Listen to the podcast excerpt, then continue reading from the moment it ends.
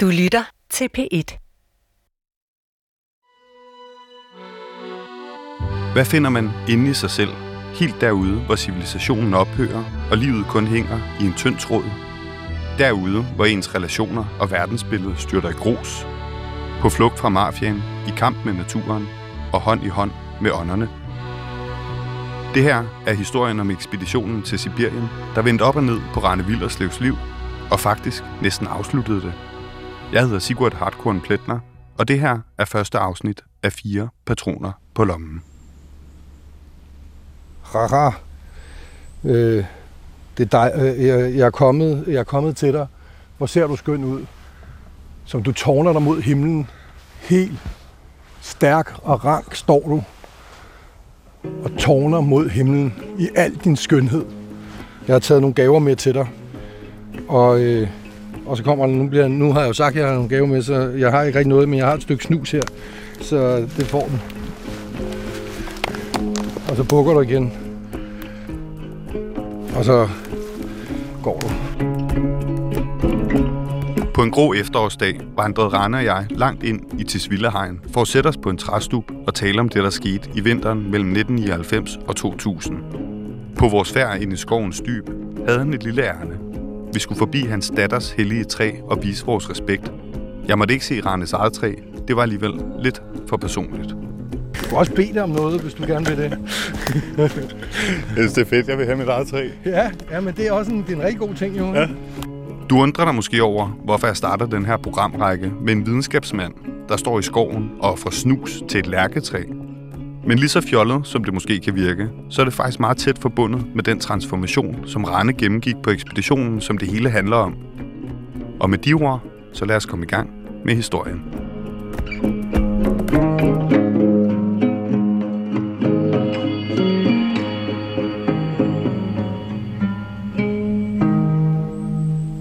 Jeg ankommer til Nellemnøje, Jurgiernes landsby i Yakutien. Det ligger ved Yasachina-floden, hedder den. Det er en biflod til den store Kolyma-flod, lige omkring Polarcirklen, lidt syd for Polarcirklen. Der ankommer jeg i sensommeren 1999 og skal lave mit phd feltarbejde Altså jeg skal opholde mig i lang tid hos de her folk, som en del af det at skrive en phd afhandling i Cambridge. Øh, jeg kan ikke knap nok huske, hvad det projekt handler om, fordi det kommer til at ændre sig fuldstændig. Altså, jeg tror, det var noget med deres landskabsforståelse eller sådan noget. Øh, men jeg vil sige, det er den, det er et tidspunkt i mit liv, hvor jeg har været allermest åben for bare at tage alt ind. Altså, og det, det var jeg ligesom indstillet på øh, fra starten. Og suge ind som en svamp af alt, hvad jeg så omkring mig, og lade mig forandre i, øh, i processen. Ikke? Altså, jeg havde ingen anelse om, at det her feltarbejde endte med, at jeg fik den russiske pelsmafia efter mig, og, var, og endte med næsten at dø, altså ude i den sibiriske taiga. Men for at forstå det, og hvordan det kom derhen, så skal vi lige øh, lidt længere tilbage i tid.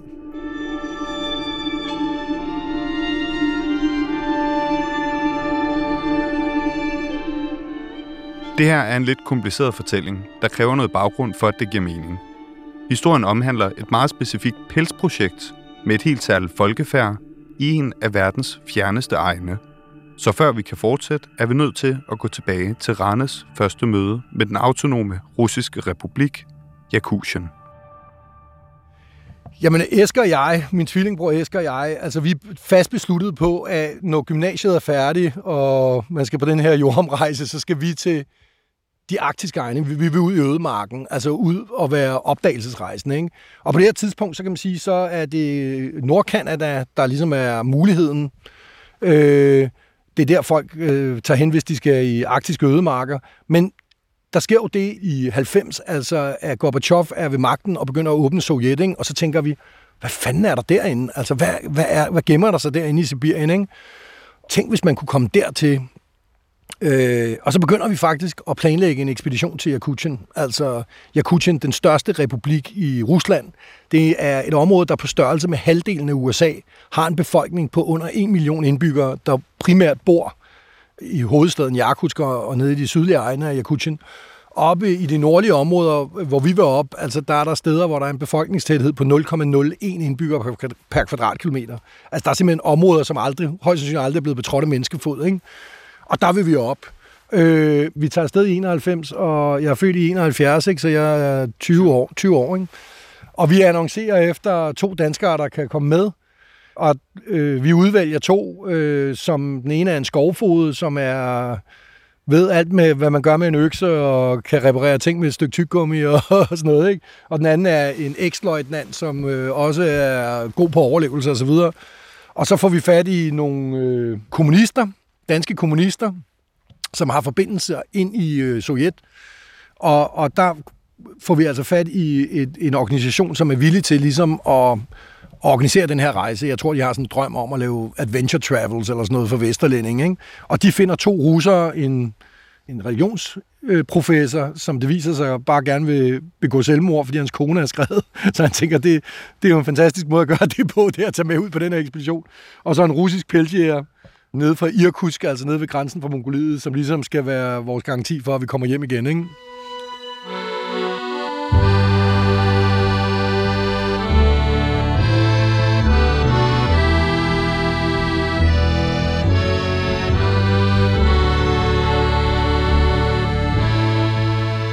Men det, det organiserer vi, og vi, vi er på jagt efter yukagierne. Altså et lille, Øh, kan man sige, øh, meget, meget lille jægerfolk, som vi øh, har stødt på, fordi vi tog ind på Nationalmuseet til en inspektør derinde for etnografi, der hedder Rolf Gilberg, og sagde, at vi vil gerne til Sibirien, har du ikke?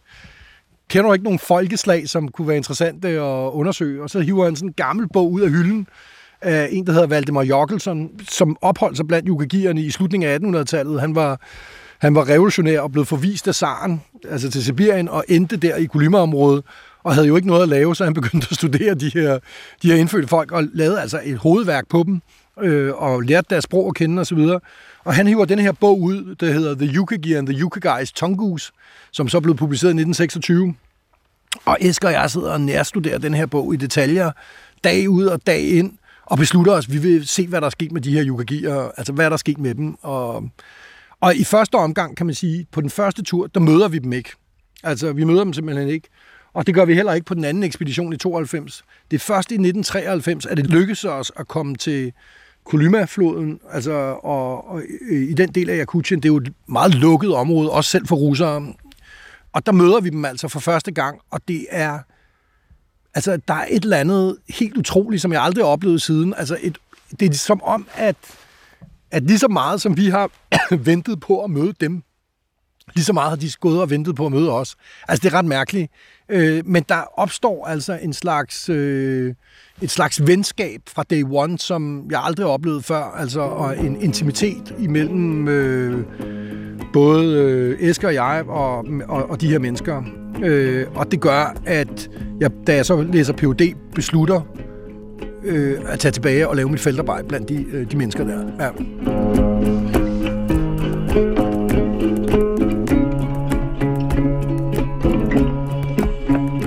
Som du nok allerede har opdaget, så kan jeg ikke fortælle den her historie uden at komme ind på Ranes andre ekspeditioner, for på mange måder hænger de sammen og nuancerer hinanden.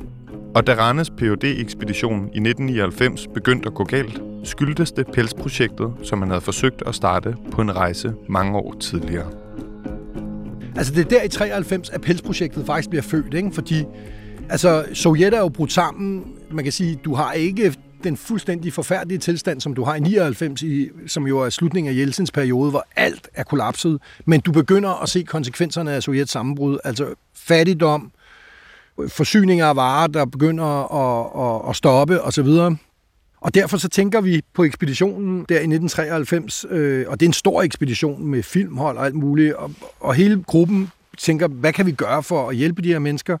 Altså vi finder ud af, at de har jo en råvare, kan man sige, som virkelig har økonomisk betydning, og det er sobelskin. Altså de er sobeljæger, og solen er jo et lille mordyr, som egentlig til forveksling ligner en, øh, en dansk skovmor, kan man sige. Men forskellen er, at den har verdens dyreste pels. Ikke? Og de pelsjæger det har de været siden øh, russerne erobrede området i øh, 1600-tallet. Men det, der er, øh, er situationen, er, at hvad kan man sige, det sovjetiske øh, pelsopkøbningssystem er brudt sammen, som ellers fungerede ret godt, hvor at de fik fødevarer og geværer og patroner og ret høje, høj betaling for deres skind. Det er blevet brudt sammen, overtaget af en pelsmafia, som har sit hovedsæde nede i Jakutsk. og som har bibeholdt monopolet, men betaler dem altså peanuts for deres skind. Ikke? Altså sådan et sobelskin på det her tidspunkt af høj kvalitet, det sælger øh, for 600 dollars skinnet på de danske pelsauktioner. Et skin. Yukagierne får øh, altså det, der svarer til en 10-15 dollar for skinnet. Øh, så det vil sige, at der er en kæmpe profitmargen. Ikke? Og den profitmargen, det sidder pelsmafiaen jo og hiver ind. Og vores tanke er, jamen kan man lave, kan man lave en direkte handelsforbindelse mellem øh, Yukagierne og Danmarks pelsauktioner i Glostrup, jamen så kan de få den fulde fortjeneste.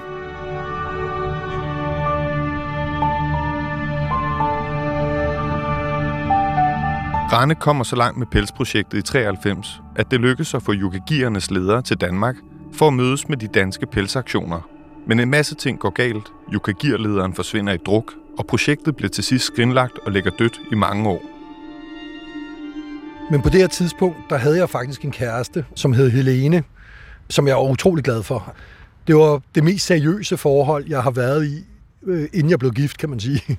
Og hun var egentlig min underviser på et formidlingskursus på universitetet, så hun var også noget ældre.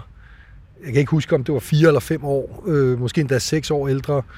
Altså, hun var jo et andet sted i sit liv. Hun var jo det sted, hvor at hun, hun ville gerne have børn og, og stifte familie og, og bo sammen. Og det var, havde jeg i og for sig heller ikke noget imod. Det ville jeg vildt gerne. Men der var jo det her feltarbejde, som, som stod og ventede. Ikke? Og det lå som sådan en skygge, kan man sige, hen over, over forholdet, fordi hun var jo godt klar over, at det her, det var ikke bare en måned, altså det var jo rigtig, rigtig mange måneder, altså det var jo et år, jeg skulle være væk, ikke? Men forholdet betød så meget, at vi egentlig var villige til at prøve at gå linjen ud, ikke? For at, at beholde det. Altså det var jo en utrolig svær situation, ikke? Jeg skulle være væk det længste nogensinde i træk, og jeg var jo mega bange for, at hun skulle miste øh, følelserne for mig i løbet af den tid, fordi det havde jeg prøvet før. Altså, jeg er jo ikke kommet hjem fra en ekspedition, uden at kæresten var skrevet, altså. Men jeg valgte at tage afsted. Altså, da vi står i lufthavnen, Helena og jeg, og jeg skal jo have flyet øh, til Moskva, der har jeg virkelig på fornemmelsen, at hun ind til sidste øjeblik håber, at jeg ligesom vender mig om og siger, Helene, jeg bliver hos dig. Altså, jeg kan ligesom se på hende, at det her håb, det lyser ud af hende. Men men det gør jeg ikke. Jeg går ombord på flyet.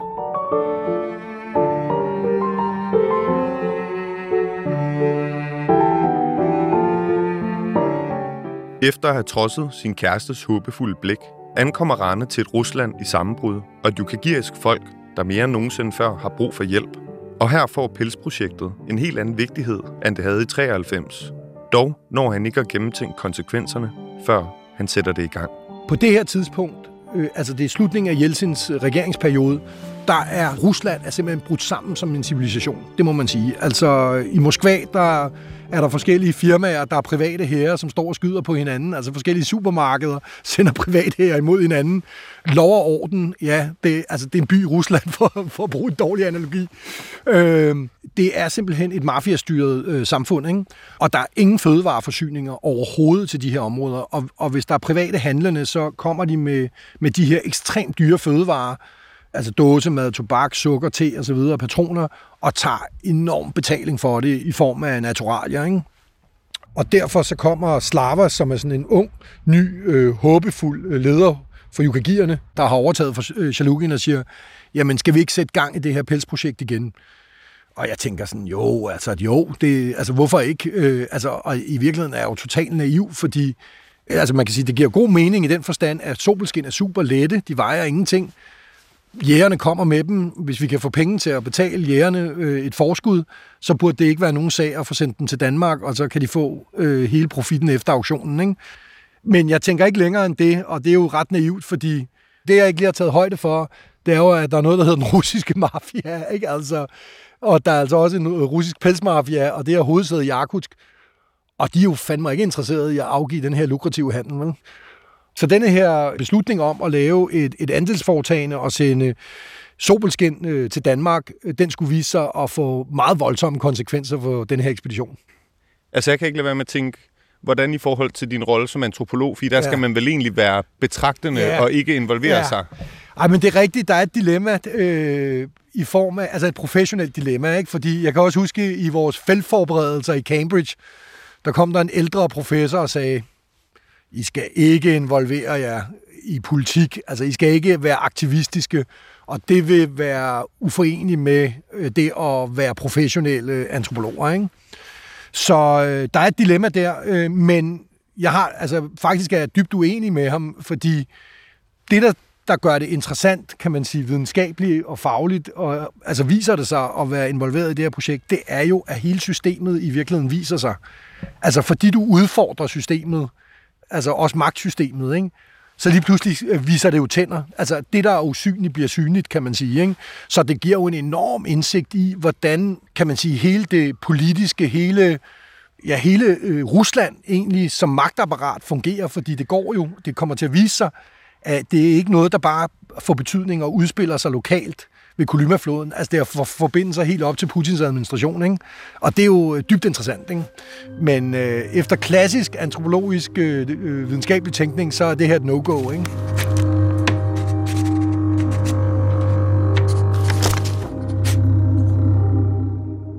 Helt begivenhedsløs dag. Sov længe, slappet af og vasket støvler. Det du hører her er et uddrag fra den 1200 sider lange, håndskrevne dagbog, som Rane førte undervejs på den her ekspedition. Jeg har fået lov til at læse dagbogen, og den vil være en fast følgesvend med os her igennem historien. Gik til Akulina, men hun havde hovedpine, så jeg gik hjem igen. I går var også træt. Hele landsbyen er gået i dvale, og der sker ingenting. Det er røvsygt. Altså, jeg kan jo ikke fortælle denne her historie uden at nævne Akulina, øh, som har betydet helt utrolig meget for mig i, i mit liv, og jeg har også opkaldt en af mine døtre efter hende. Øh, altså, hun er jo en ældre kone øh, på det her tidspunkt. Øh, hun er i 70'erne. Et lille, lille, lille menneske, kan man sige, altså rent øh, fysisk. Øh, det er der jo mange af dem, der er, men hun er meget lille. Altså, hun går mig vel øh, til et eller andet sted nærmest midt på kroppen, ikke? Øh, så lille er hun, men med de mest vidunderlige, varme, store, øh, brune øjne, der kigger med en enorm kærlighed øh, på mig allerede fra day one. Altså, vi møder hende jo i, i 1993, og allerede på det tidspunkt etableres der altså et meget, meget varmt venskab mellem hende og mig, og som kun bliver udvidet der i 1999. Altså, hun har været udsat for utrolig mange strabasser i sit liv, og i virkeligheden også, kan man sige, skuffelser. Altså, hun har fået et barn, og han er, øh, han er ikke fuldt udviklet mentalt. Altså, selvom han er faktisk ældre end mig, så opfører han sig øh, en, der måske er 12 år eller noget i den stil, ikke? Og så er hun gift med Grigori, som engang var en kæmpestor jæger, men er blevet døv. Og det smukke er, når de jager sammen, så øh, ude i skoven, så går hun rundt med sådan en, øh, altså en kæp, og så når hundene gør, så slår hun ham der Gregory og peger med den der kæp, og så løber han hen og skyder, øh, skyder elgen. Ikke?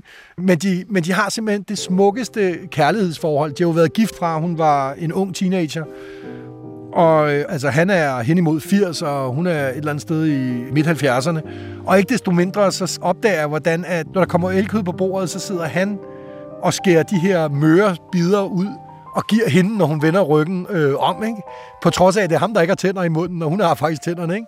Og om aftenen, når, når vi sover i jagthytte sammen og sådan noget, så ligger hun så altid op på hans bryst og, og ser helt forelsket ud, ikke?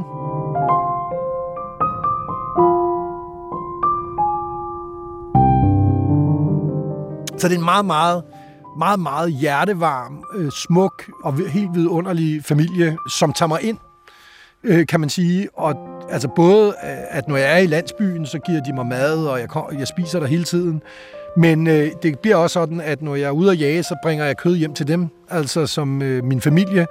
Og hun syr så til gengæld alt mit tøj, og det er jo helt afgørende altså i de her områder hvor temperaturen falder til minus 65 grader, at du er klædt rigtig på, ikke? Så hun syr rensdyrskindstøvler til mig, hun syr en vest af hareskin, det blødeste hareskin, hun syr min rensdyrskindsovepose. sovepose, som jeg kommer til at ligge i, som øh, er jo super varm, men som har det, den bivirkning, at der er rensdyr over, over, overalt, når man står ud af den, og man har det også i næsen og i munden og sådan noget. Og Grigori, han laver simpelthen min ski, min jagtski, som er, det er jo ikke nogen, du, ski er ikke noget, du køber. Du skal simpelthen fælde en poppel, altså, og du skal flække den på langs, og så skal du stå og, kan man sige, øh, høvle skien frem, og så skal den iklædes, altså skiene skal iklædes lægskinnet for elstyr eller rensdyr, sådan at du kan imitere dyret, øh, der bevæger sig i sne, og du også modvirker øh, bagklæde. Kæmpe arbejde. Altså, og du skal koge, mener det er elhjernen, som man koger til at lave en slags lim, som gør, at du kan sætte skinnet på. Altså, det er et kæmpe arbejde, ikke?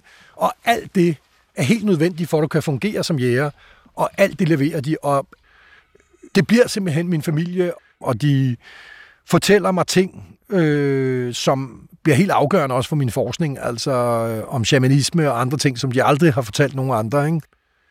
Altså i det hele taget, så lærer hun mig jo det enormt vigtige i at ofre jævnligt ude i øh, taigaen, altså for at holde sig på god fod med ånderne. Og det lyder jo, det ved jeg jo godt, det lyder jo sådan BMLM, når vi sidder her i Danmark, ikke? og vi sidder i en rimelig trimmet skov. Men believe me, altså, at når du er derude, så er det virkelig som om, at, at landskabet er levende. Altså, det er levende. Du føler det det øjeblik, du kommer der. Altså, og det er ikke øh, ubetinget godt. Ånderne er jo ligesom mennesker. De betragter også sig selv som mennesker fra deres eget perspektiv. Det vil sige, de, de har alle de gode, men også alle de dårlige sider, som vi mennesker har. De kan blive jaloux, de kan blive hævngærige, øh, de, de kan være mistroiske i det øjeblik, du ankommer som en fremmed. Og ligesom med os andre, så er en rigtig god måde at, at få et godt forhold til dem, det er at give dem nogle gaver. Ikke? Og det er det, hun lærer mig. Og det, det afgørende er, altså, det behøver ikke at være store gaver, men det afgørende er at vise den der respekt. Altså, og det kan være, altså, inden du går på jagt og ofre lidt tobak, lidt øh, vodka, lidt sukker, noget te. Altså ånderne vil jo have de luksusvarer, som vi mennesker også gerne vil have, altså, og som er svært tilgængelige. Ikke? Og det er jo faktisk den viden, altså, som er med til at redde mit liv, kan man sige, da jeg står nogle måneder senere ude i ødemarken og øh, kæmper for mit liv.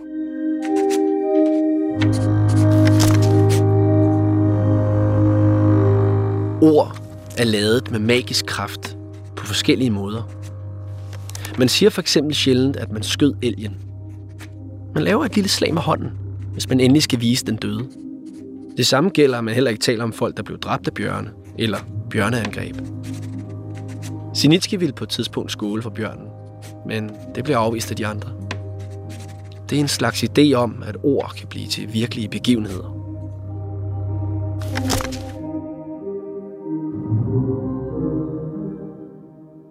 Så vi gik i gang med at lave øh, det her andelsselskab, ikke? og det vi har brug for, det er jo noget kapital til at kunne forudbetale jægerne, fordi ellers vil de jo ikke øh, sælge deres skind til andelsforeningen, hvis de ikke får nogen betaling i hånden med det samme. De har brug for de her penge. Men vi får en, en, en lille NGO i Danmark til at lægge penge i det. Og så kommer der en pelspecialist, Uffe Christensen, fra auktionerne i Danmark, ud til Nælem Nøje, og han sidder ved sådan et bord, og så kommer alle jægerne med deres skin, og så sidder han i, i lampelyset og vurderer hver enkelt skin. Altså den forventede salgspris på auktionen, og så får jægeren 50 procent af den forventede salgspris udbetalt på stedet. Ikke? Men bare de penge er jo langt højere, end hvad pelsmafianen er parat til at betale. Og derfor så kommer folk jo strømmende, altså jægerne fra hele området kommer strømmende og vil, vil sælge deres skin. Ikke?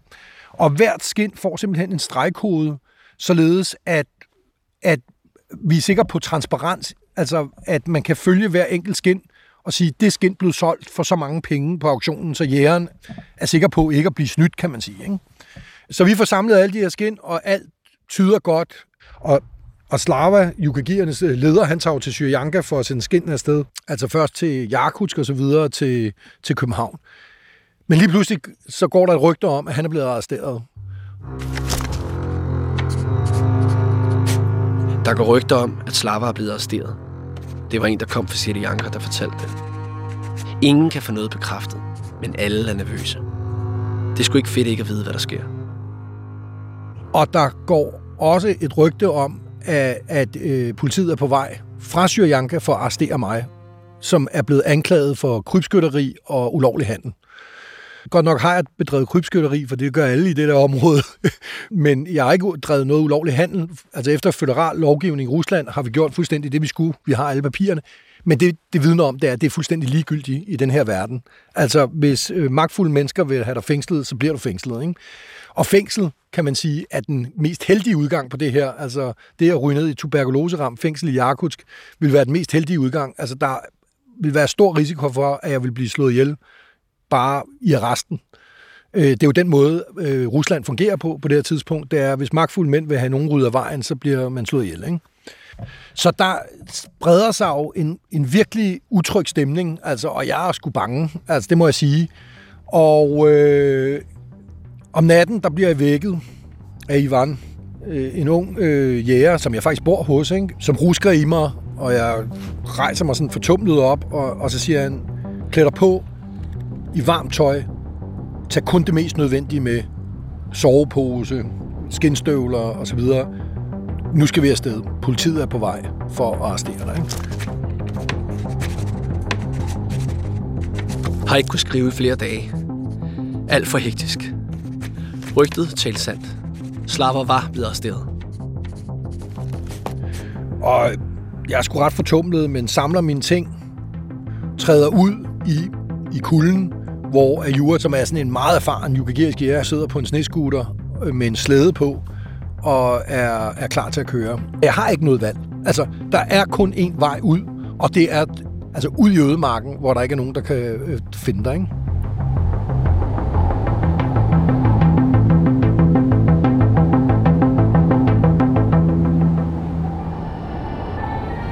Altså, da jeg bliver vækket den nat, havde jeg ingen anelse om, hvad det var, der ventede mig derude. Ingen anelse.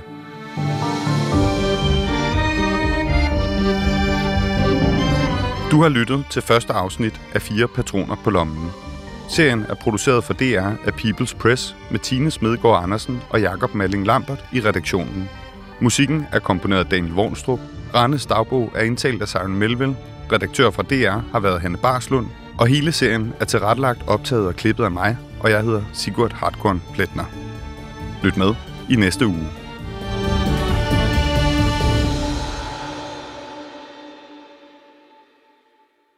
Du kan høre flere P1-podcasts i DR's radio-app.